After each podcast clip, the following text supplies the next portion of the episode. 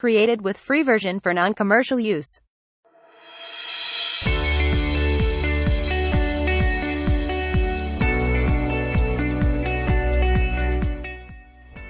Oke, sekarang balik lagi sama gua. Nah, sekarang gue punya kesempatan bincang-bincang sama pejuang muda pendidikan Indonesia. Nah, kenalin teman gua. Kak Januar. Halo, bro. Nah, gini Kak Januar. Gue mau tanya-tanya Ya, ya, ya. nih. Gimana gimana? Jadi kemarin saya dengar-dengar Kak Janu jadi pembicara di salah satu sekolah ngebahas mengenai pendidikan di tahun 2045 tuh. Wah kan jauh banget tuh menurut saya tuh. Oh ya gini. Jadi kemarin tuh ngisi acara kebetulan di homeschooling. Hmm, hmm, Nah itu homeschooling itu muda-muda semua. bro. Mm-mm. Dari mulai pimpinannya, guru-guru, sampai kepala-kepala semua muda. Oke. Nah, kalau bicara tentang pendidikan tuh bicara tentang Created with free version for non-commercial use. demografi kan. Oke. Iya kan? Hmm. Jadi 2045 tuh bonus demografi kita tuh kita punya pemuda banyak banget produktif masa umur umur produktif bro. Hmm. Nah di sana itu sekitar 25 tahun lagi dari sekarang, iya kan? Nah kalau kita nggak gerak dari sekarang, maka ya udah Indonesia emas tuh nggak akan emas, Hmm. cuma wacana doang. Nah akhirnya gue angkat tuh tentang gimana peran kita sebagai pendidik tuh di 2045. Nah kira-kira kayak gitu bro. Oh. Berarti menurut Kak Janu 25 tahun itu waktu yang singkat ya nggak nggak panjang nih. Jadi harus kita persiapkan dari sekarang. Benar, Hmm. benar benar. Itu jadi eh, penting banget sadar para pendidik, para pejuang muda atau yang berjiwa muda bro. Oh. Jadi mau orang tua, Oh. kemudian guru, kepala sekolah, lingkungan mas- masyarakat, support system itu penting banget untuk sadar bahwa Created with free kita version for non-commercial use. Mau menggapai 2045 tuh bro. Jadi bukan hanya anak muda nih, tapi siapa pun yang berjiwa muda maupun itu orang tua tapi jiwa muda masih bisa berjuang tuh ya. Benar. Nah, oke oke oke. Nah, sekarang saya mau tanya lagi nih mengenai apa sih warna pendidikan yang tadi Kak Janu usung nih kira-kira nih. Oke. Jadi yang mau disampaikan tuh Hmm, pada saat hmm. itu bro. Jadi kita mau campaign. Kita kan pejuang muda nih. Mau ngajak semua pejuang muda Hmm. dan semua yang berjiwa muda. Bahwa pendidikan itu tuh poin pertamanya tuh tentang bicara visi bro. Oh, visi. Oke Hmm. oke oke oke. Apa? Jadi kalau ngomong tentang visi itu harus ada sebuah ide ide ide besar gitu. Ah. gagasan yang besar. Kemudian kita tuh tahu mau tuju ke mana gitu. Oh, nah, oke, oke, itu penting banget tuh visi itu. Oke. Jadi kalau di sekolah misalnya, kita setting sekolah nih bro. Sekolah tuh harus tahu dua tahun dia mau capai apa, Oke. lima Created tahun dia mau capai apa, bahkan 20 tahun dia mau capai apa bro. Jadi itu gue pernah pikir itu kita harus punya kompas bahasanya tuh. Oh. Kompas 2520. Dua tahun mau nyampe mana, lima tahun mau sampai mana, 20 tahun mau kayak gimana. Nah orang tua pun juga sama tuh. Orang tua begitu punya anak, mulai berpikir kira-kira ini dua tahun lagi mau dibawa ke mana gitu. Nah itu sih bro. Pertama tentang visi. Oke, berarti jangan sampai kita salah arah nih kita bentuk kompas nih. Benar. Visi kita punya visi. Terus apa lagi tuh? Nah, yang kedua, kalau pendidikan udah tahu visinya mau ke mana, Mm-mm. visi besar kita kan pasti kan Indonesia gemilang, Indonesia emas 2045, Mm. itu visinya. Jadi gimana generasi muda ini bisa gemilang di 2045? Oke. Nah, di visi ini bayangannya adalah kalau ngelihat tentang udah jelas visinya, yang kedua tentang empati. Oke. Jadi kalau empati itu Created with free version for saya- non-commercial saya nih use. bro ya, eh, sholat Hmm. Di masjid. Ada kumpulan anak di masjid nih. Kumpulan anak pakai baju baju pramuka. Nah, itu kisaran umur tuh sekitar 10 sampai 15. Iya, betul. Ukuran-ukuran SMP, SMP. gitu. Nah. Nah, terus itu dalam hati tuh yang paling dalam ketika mereka berkumpul terus mereka bercanda tuh. Kebayang gini. Kalau guru ngelihat mereka sebagai potensi atau aset bro jadi lahir tahun 2000 sampai 2010 itu ujung tombak kita 2000 sampai 2010 ya Hmm. jadi kalau 2000 tuh eh, umurnya sekarang 10 tahun lah Hmm. 2010 itu sampai 2010 itu umurnya sekitar eh, sekitar 20, 20 tahun. tahun. 20 tahun. Jadi yang paling idealnya itu di umur 15 tahun.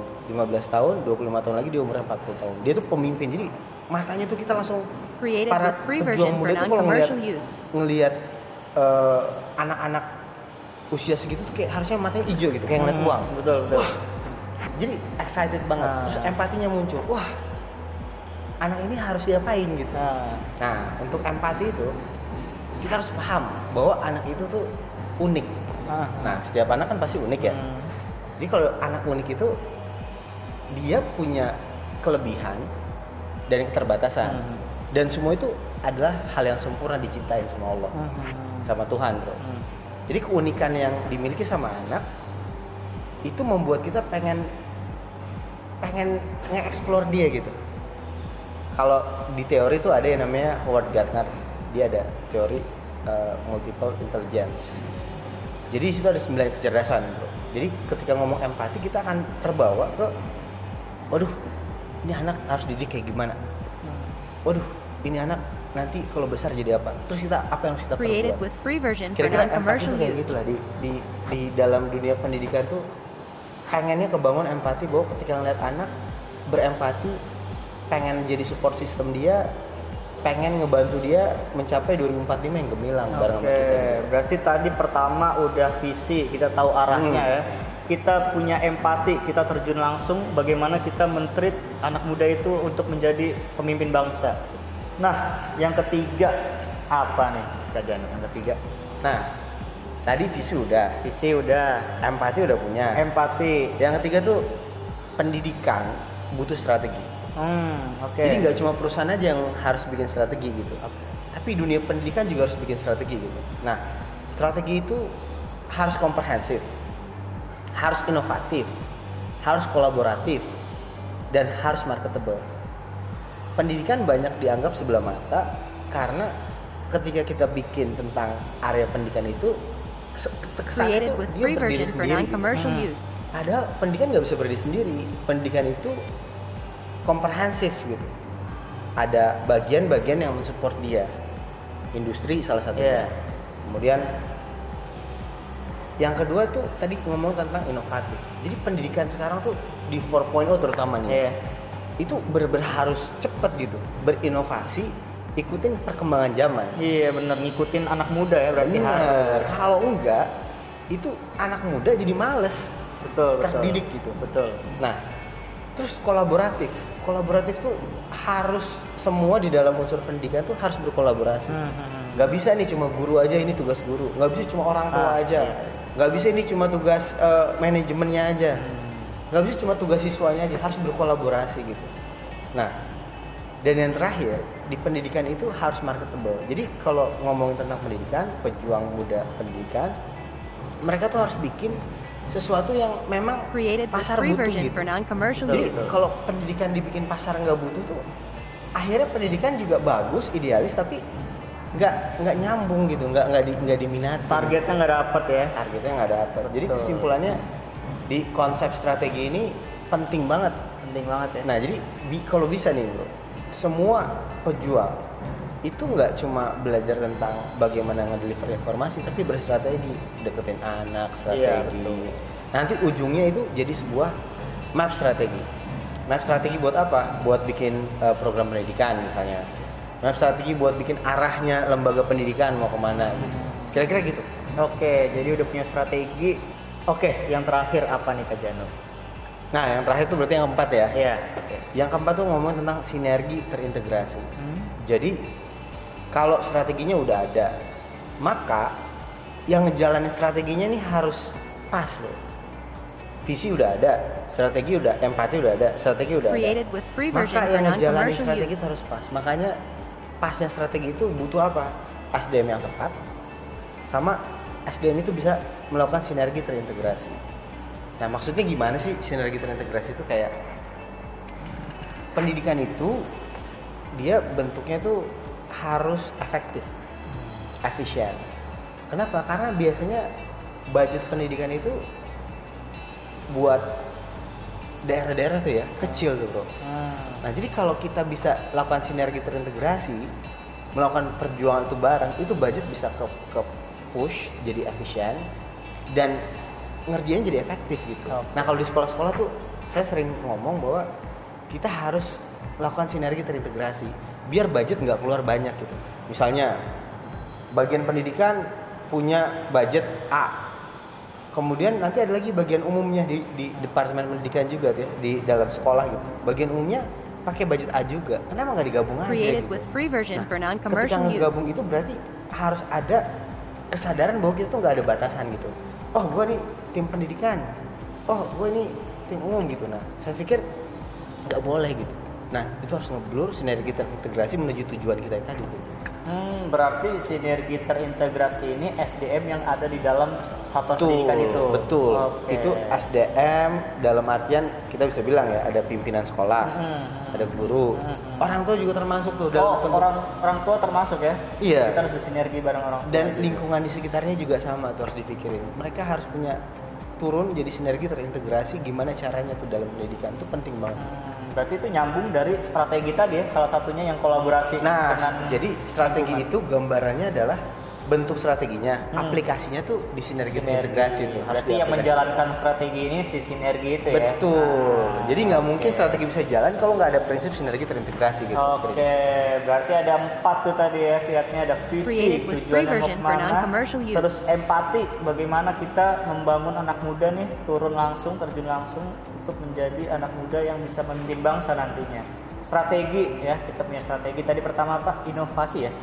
Nah, Nah, strateginya itu komprehensif, komprehensif, inovatif, inovatif, ko- kolaboratif, Kolaboratif. dan harus marketable. oh marketable. Oke, yang terakhir tadi ada sinergi terintegrasi. Tuh. Nah, selanjutnya nih yang pengen saya tahu nih mengenai empat langkah ya dalam prinsip merancang program pendidikan yang komprehensif.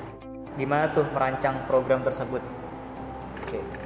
Jadi prinsipnya ya. Iya, prinsip prinsipnya. dalam Oke, tadi kan tadi kita ulas sedikit ya. Ah. Tadi kita bahas tentang pendidikan itu harus punya warna. Oke, Nah, betul. tadi kita bahas tentang warna Hmm, pendidikan. warna Nah, sekarang pendidikan. pertanyaannya adalah detail ke prinsip. Jadi kalau mau bikin program yang bagus tuh Hmm. prinsipnya gimana gitu Hmm, ya. betul.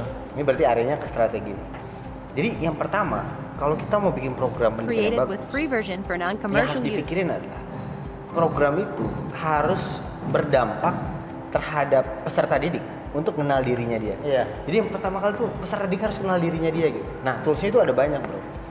Misalnya kita sebagai guru ngelihat peserta didik, kita lihat namanya observasi. Hmm.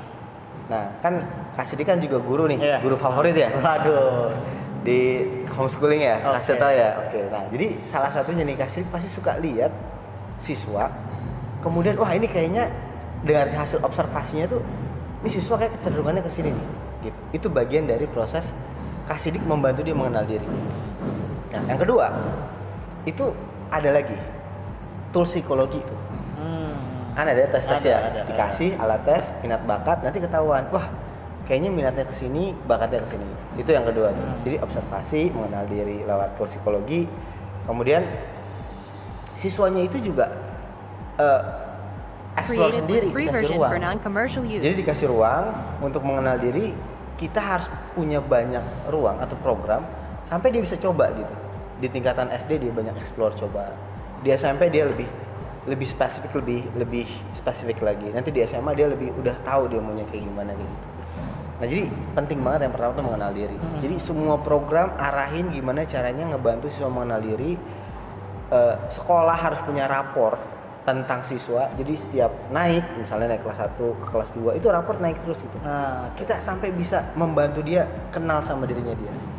Nah itu yang pertama. Terus yang kedua prinsipnya adalah gimana caranya kalau kita udah tahu dia udah kenal dirinya, gimana cara kita bisa maksimalin potensi. Program yang kedua harus ada program untuk maksimalin potensinya dia. Nah, sebagai lembaga pendidikan harus punya tanggung jawab tuh untuk itu. Misalnya dia sukanya entrepreneurship. Created with free version Maka sekolah harus bikin kalau kita kan punya namanya project, Project class, class, ya kan? betul, project class. Nah, harus ada project day itu. Project day apa? Hari di mana ketika semua udah kenal, terus dimaksimalin dengan cara selling ngejual gitu di project dia itu dia harus jualan terus eh, di project dia harus ada project apa yang misalnya kayak entrepreneurship charity ada project charity gitu kemudian ada lagi tentang eh, media.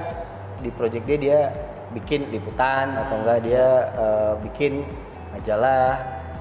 Eh, itu harus dikasih ruang untuk dia maksimalkan potensi. Nah kalau kalau kalau itu bagian kecil namanya project ya. Oke. tapi kalau ada juga namanya talent nih.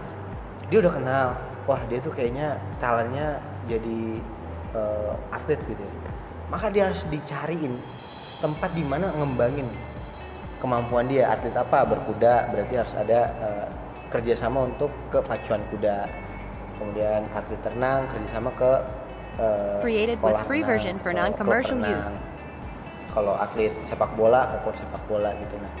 Jadi posisi memaksimalkan potensi itu kalaupun sekolah nggak bisa bikin di dalam sekolah terbatas. Tapi sekolah harus cari jaringan agar siswa ini bisa optimal gitu maksimal. Hmm. karena tadi balik lagi ke 2000 tahun 2000 sampai tahun 2010 mereka harus menjadi dirinya mereka yang kenal sama dirinya yang potensinya maksimal maka SDM-nya tuh bisa jadi unggul dan berdaya saing gitu itu dua, dua hal yang kita bahas prinsipnya Berarti yang kedua ini sama kayak kita eh, mengembangkan minat dan bakatnya mereka ya? Iya betul, Ah. betul banget. Jadi harus ada program, prinsipnya ya, harus ada program yang bisa ngembangin. Tapi jauh sebelum ngembangin kita harus tahu dulu apa yang mau dikembangin Oke, gitu. Harus mengenal diri dulu. Harus kenal diri dulu. Yang ketiga apa nih stepnya? Oke, yang ketiga, yang ketiga itu kalau siswa, jangan siswa deh, kasih di misalnya. saya nih. Eh, Created with free version for bisa non-commercial pede, use. Iya kan? Karena Kasidik nih udah dikasih kesempatan buat bikin karya. Iya. Misalnya Kasidik di belakangnya karyanya banyak. Ah. Pasti tampil depan orang tuh pede aja tuh. Karena udah punya karya gitu. Maka siswa juga sama. Semua anak ketika dia punya karya atau dikasih kesempatan atau ruang keberanian untuk dia bikin karya, dia tuh akan menjadi dirinya dia gitu. Jadi Hmm. penting banget dia punya karya karena dia akan ngerasa bahwa Pede ya langsung. pede kayak, berharga gitu ini gue udah buat gini nih, gue bisa nih bahasanya. Betul. Eh, karya. Oke. itu penting ya karya Oke. Lanjutnya yang step keempat. Nah yang terakhir adalah ini yang tadi kita bahas tentang Hmm. marketable. Oke. jadi semua proses pendidikan itu harus tahu bahwa ujungnya ke mana. Kalau saya prinsipnya ujungnya adalah bermanfaat. Gimana cara bermanfaat? Nah bermanfaat itu berarti orang butuh gitu. Ketika kita bikin karya gimana caranya karya ini bisa dipakai sama orang gitu? Nah kebanyakan karya kita nggak kepake Created with karena free kita version nggak for tahu mana use. nih yang suka sama karya kita Oh, oke. Nah, sekarang dunia udah berubah, eranya udah 4.0, di mana eranya udah digital. Kita bisa memberikan informasi ke semua di pelosok negeri ini, apalagi sekarang ada program namanya Pa- Palaparing kan ya. Apa tuh Pak? Palaparing itu kayak program pemerintah yang internet itu bisa diakses Oh, dari. Sabang sampai Merauke. Oke. Jadi kalau kita manfaatin jaringan online itu masuk ke program yang keempat, menembus batas. kita Menembus harus ajarin siswa nembus batasnya dia. Ini produk ada, diajarin berstrategi untuk nembus batasnya agar orang tahu ini karyanya dia. Nanti after itu diajarin cara gimana ngejual karyanya Hmm. kalau udah kayak gitu tuh enak loh kita bikin jaringan-jaringan orang tua nih dalam sebuah kumpulan untuk tujuan menembus batas karyanya udah ada kita bikin pamerannya orang tua tahu orang tua ngeliat orang tua beli gitu Tertarik ya. tertarik kayak gitu jadi prinsipnya itu aja Created Prinsipnya free version manfaatin for non-commercial jaringan, use. connecting people kita tembus batas tapi harus udah punya karya bro Oke. Oke, jadi kesimpulannya ada empat prinsip nih dalam merancang program pendidikan. Yang pertama ada mengenal diri. Artinya peserta didik harus bisa mengenal dirinya, potensinya sampai mana. Kemudian maksimalkan potensinya yang kedua. Potensinya dimaksimalkan dengan dibantu eh, satuan pendidikan. Nah, jadi eh, mengembangkan minat dan bakatnya. Yang ketiga supaya mereka pede mereka harus punya karya jadi wah gue pede banget nih orang gue udah punya karya gini-gini kan udah karya yang keempat nih yang terakhir tadi adalah menembus batas jadi eh, karya mereka bisa eh, dikembangkan ya benar kak jadi Iya. dikembangkan Hmm. Terus apa lagi ya intinya menembus batas karyanya itu bisa sampai ke penikmat karya bro oke Jadi dia Created akhirnya with free dapat version for non-commercial use. Karya-karyanya dia. Oke. Entah itu kejual. Hmm. Misalnya Kak Sidik punya punya sebuah karya nih di Kak Sidik kan sosial banget orang suka cari dia. Hmm. Bikin sesuatu terus dipakai sama orang. Itu rasanya seneng nggak kira-kira? Iya happy dong. happy nah Ah. itu itu bagian dari menembus batas kita harus tahu ini karya biar bermanfaat kayak gimana? Nah itu bisa bernilai jual juga tuh karya. Jadi intinya kalau kita punya karya kita bisa tembus batas connecting people kita bantu siswa. Itu siswa bisa jadi entrepreneurship entrepreneurship muda. Dan itu menjadi tulang punggung perekonomian 2045 tuh. Hmm. jadi itu yang mau diusung sama kenapa sih kemarin ngomong bahasa serius gitu. Oke oke. jadi penting banget. Sekali lagi ya Kak Siri sebagai pendidik nih ya penting banget aware sama Indonesia 2045 karena kalau telat ini masih 25 tahun Hmm. kalau telat waktu nggak bisa mundur lagi dan ya udah kita telat Created with Gagal free version for non-commercial use. Oke, pesan terakhir apa nih Kak Jani buat teman-teman di, di luar sebenarnya kalau udah mau meninggal Iya. aja ya. jadi gini Kak Sidik jadi Kak Sidik nih Ah. sebagai tokoh muda Oke. Digandrungi para siswa karena berjiwa muda Waduh. Nah, ini pesan-pesan buat eh, semua pejuang muda. Oke. Pejuang muda di seluruh Indonesia. Pejuang pendidikan ya. Hmm. Pejuang pendidikan, pejuang muda pendidikan Indonesia. Yang kedua yang berjiwa muda juga tadi. Oh, ada betul. orang tua, Orang tua. ada keluarga, ada teman-teman semua. Buat dua para pejuang ini kita bakal masuk 25 tahun lagi ke Indonesia 45, 2045 ya.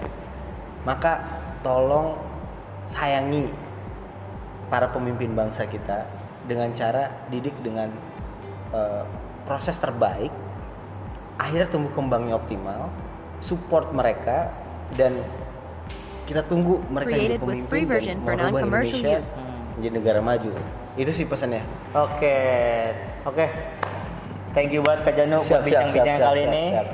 Para pejuang muda di luar sana, kita masih punya tugas besar untuk sampai ke 2045, 20 tahun lagi.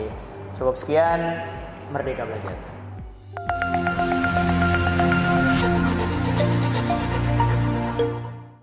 Created with free version for non-commercial use.